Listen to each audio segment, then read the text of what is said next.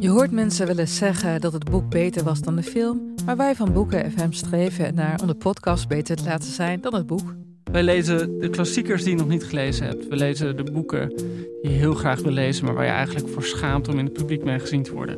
We lezen de Libris-winnaars. Uh, we praten over de Nobelprijslariaten. Allemaal zoals je een etentje hebt, dat je moeiteloos mee kan praten en dat het lijkt alsof je helemaal belezen bent. Wij zijn Ellen, Joost en Charlotte van Boeken FM en je kunt ons luisteren in je favoriete podcast-app.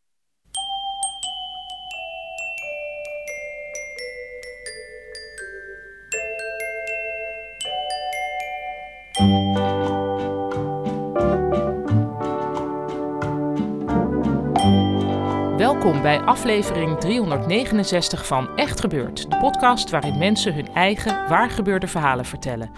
De scholen zijn weer begonnen en daarom hebben we in deze aflevering een verhaal dat Nico van der Knaap in april 2012 alweer bij ons vertelde tijdens een verhalenmiddag met als thema vaders en zonen.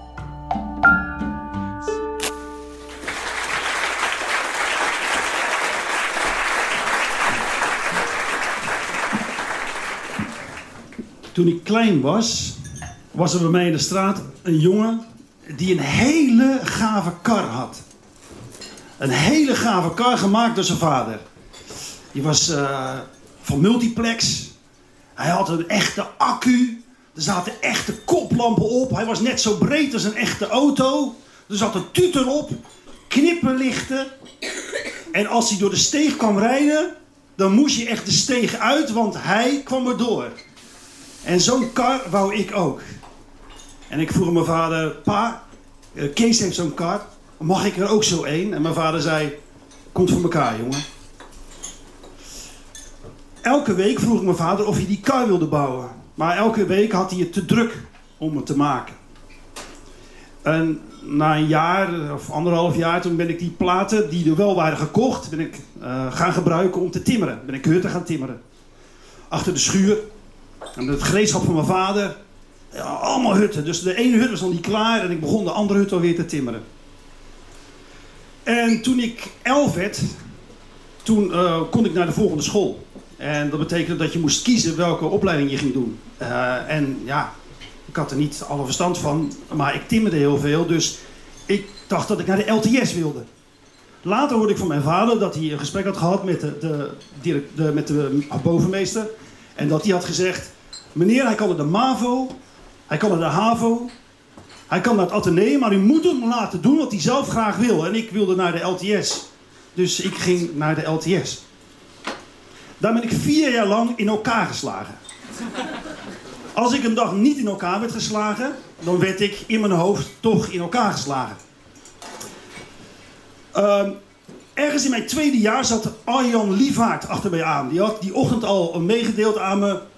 Uh, ik ga je vanmiddag in elkaar slaan. Dus ik was voorbereid en na de les als eerste weg. En uh, je moest een kruispunt over. Nou, dat was ik in no time. En uh, aan het einde van die weg was uh, mijn oude kleuterschool. En de oude kleuterschool had zo'n hoog hek. En ehm, ik was echt geen sportbilly. Maar ik sprong er in één keer overheen. En Arjan Liefhard met al die jongens uit mijn klas in zijn kielzog, die hadden het nakijken.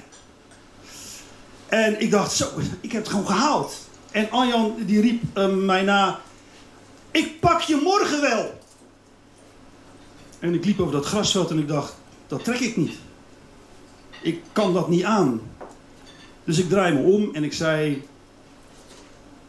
oké. Okay, sla me dan nou maar in elkaar. Ik ben teruggelopen, over het hek geklommen. En uh, hij was ook helemaal verbaasd. En uh, hij deed iets en ik liet me vallen. Want ik had ooit, uh, ik heb zes jaar op judo gezeten. alleen het vervelende was dat die leraar had gezegd, je mag het nooit gebruiken. En naïef als ik was, heb ik dat op die manier ook onthouden. Ik vergeet één ding heel belangrijk was dat mijn ouders daags voordat ze, dat ik nou voor het eerst naar die LTS ging, had mijn vader gezegd: Als je in elkaar slaan, dan hoef je niet te denken dat we je komen helpen, want dan zul je het er zelf wel naar gemaakt hebben. Dat kreeg ik vlak voordat ik naar school ging te horen. Dus toen ik door Arjan Lievaart achterna werd gezeten nadat hij me in elkaar had geslagen. En ik had gezegd, zo, nou, dan heb je me nou in elkaar geslagen. En ik naar huis verder liep.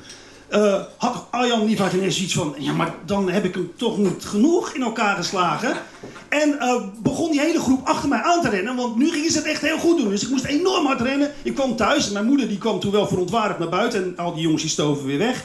En toen zeiden mijn ouders, die avond moeten we naar de directeur. Maar toen dacht ik, nou, vanuit de opmerking die ze zelf hadden gezegd, ik, nee, nou doe ik het zelf wel. Dus ik zei tegen hen, ik doe het zelf wel.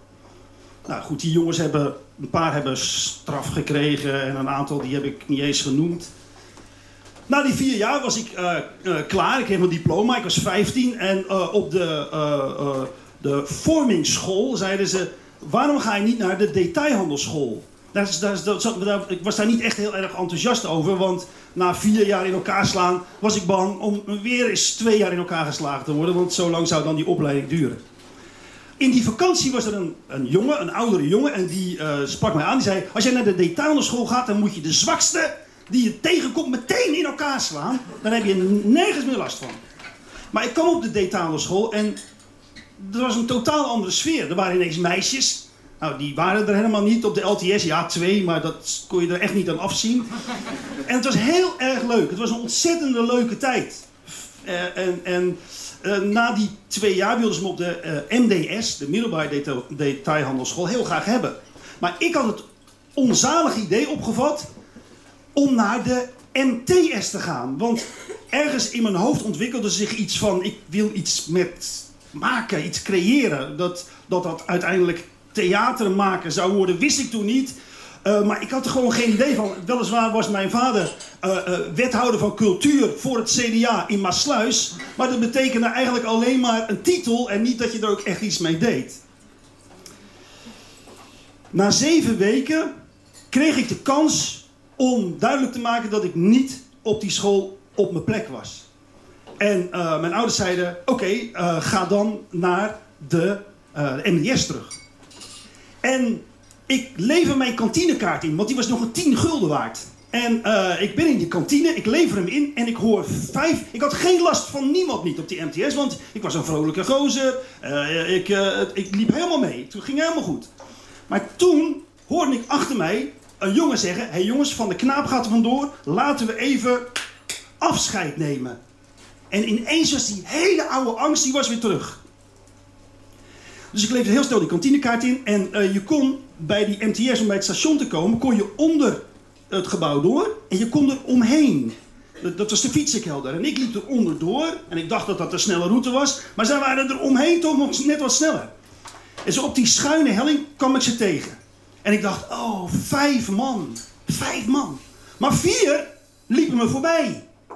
En één bleef er maar staan. Die, ja, het was toch allemaal wat intelligenter. Uh, er zat geen borrelnoot meer het hoofd. Dat waren gewoon jongens die kwamen van de MAVO, de HAVO. En die gingen een technische uh, opleiding voor. Dus die vier hadden waarschijnlijk zoiets van... Nou, eens even kijken uh, wat daar gaat gebeuren. En ik dacht... Oh, één. Oh, één. Oh, maar jou pak ik. Al is het het laatste wat ik doe. En die jongen had dat zelf ook een beetje. Die had het ook wel door. Ik sta niet meer zo sterk in mijn schoenen. Dus die probeerde te compenseren door te zeggen... Zo, van de knaap. Dus jij gaat er vandoor. Maar ja, ik had wel zes jaar judo gehad. En was misschien iets minder naïef geworden. Dus ik zei... Ja, ik ga daarvan. En ik gooi hem in een houtgreep. En ik heb die gozer vast. Ik heb nooit zo perfect in een houtgreep gelegen als toen. En ik, ik trok aan het hoofd en hij was aan het worstelen en het worstelen. Ik dacht echt, jongen, ik laat je nooit meer los. Laat je nooit meer los. En op een gegeven moment was het over. Was hij gewoon stil. Hij ademde nog, maar hij lag al stil. En uh, ik zei, had je nog wat? En toen zei hij, nee, ik had helemaal niks. Ik zei, mooi. Dan gaan wij nu allebei ons weegs. En dan worden wij later vast allebei heel erg gelukkig. En toen heb ik hem losgelaten. En toen heb ik nog één keer omgekeken. En toen zag ik dat hij naar die jongens liep. En die jongens zat op een muurtje. En die zat echt zo... zat er uit te lachen. Dat was een enorm goed gevoel. Anderhalf jaar later had ik mijn eerste vriendin.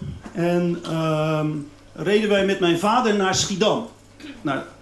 We waren achter het Centraal Station. Mijn ouders waren 25 jaar getrouwd. We zouden dat gaan vieren in, een, in zo'n korenmolen. En mijn vader parkeert de auto achter het Centraal Station en zegt... Ik ken deze omgeving heel goed. Ik heb hier, door deze straat, heel vaak heel hard moeten rennen... voor de jongens van de LTS die achter me aan zaten. En het heeft heel lang geduurd voordat ik begreep wat die man eigenlijk zei. Want mijn ouders praten nooit nergens over. Ik heb heel lang geen enkel beeld gehad bij kinderen. Ik heb nu een vriendin. En die wil heel graag kinderen. En die wil ze heel graag met mij. En ik weet niet hoe dat gaat lopen.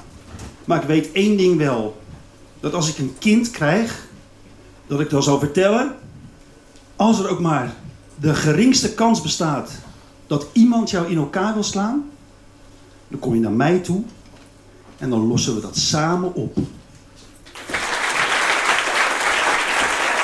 Je hoorde een verhaal van Nico van der Knaap. Heb jij ook een mooi waar gebeurd verhaal over je schooltijd? Nou, op 27 november van dit jaar organiseren we bij Echt Gebeurd een nieuwe editie van Lang Verhaal Kort rond het thema op school. Uh, mensen uit het publiek mogen bij Lang Verhaal Kort uh, zonder tussenkomst van onze redactie in vijf minuten hun verhaal vertellen. En we zijn natuurlijk ook nog op zoek naar vertellers voor onze reguliere verhalenmiddagen. Vertellers dus die wel door onze redacteuren geselecteerd en begeleid worden. Op 18 september is het thema op kantoor. En voor 30 oktober zoeken we naar verhalen rond het thema leugens. Je kunt je als verteller opgeven via het aanmeldformulier op www.echtgebeurd.net. En op die website vind je ook de rest van onze agenda en informatie over de kaartverkoop en over ons boek Echt gebeurd op papier. En je kunt via die website ook vriend van de show worden. En er staan links naar onze accounts op Facebook, Twitter en Instagram. Echtgebeurd.net dus.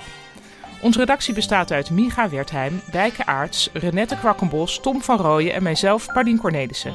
Productie doet Hanna Ebbingen, zaaltechniek deed Nicolaas Vrijman en de podcast wordt gemaakt door Gijsbert van der Wal. Dit was aflevering 369. Bedankt voor het luisteren en vergeet niet, jullie worden vast later allebei heel gelukkig.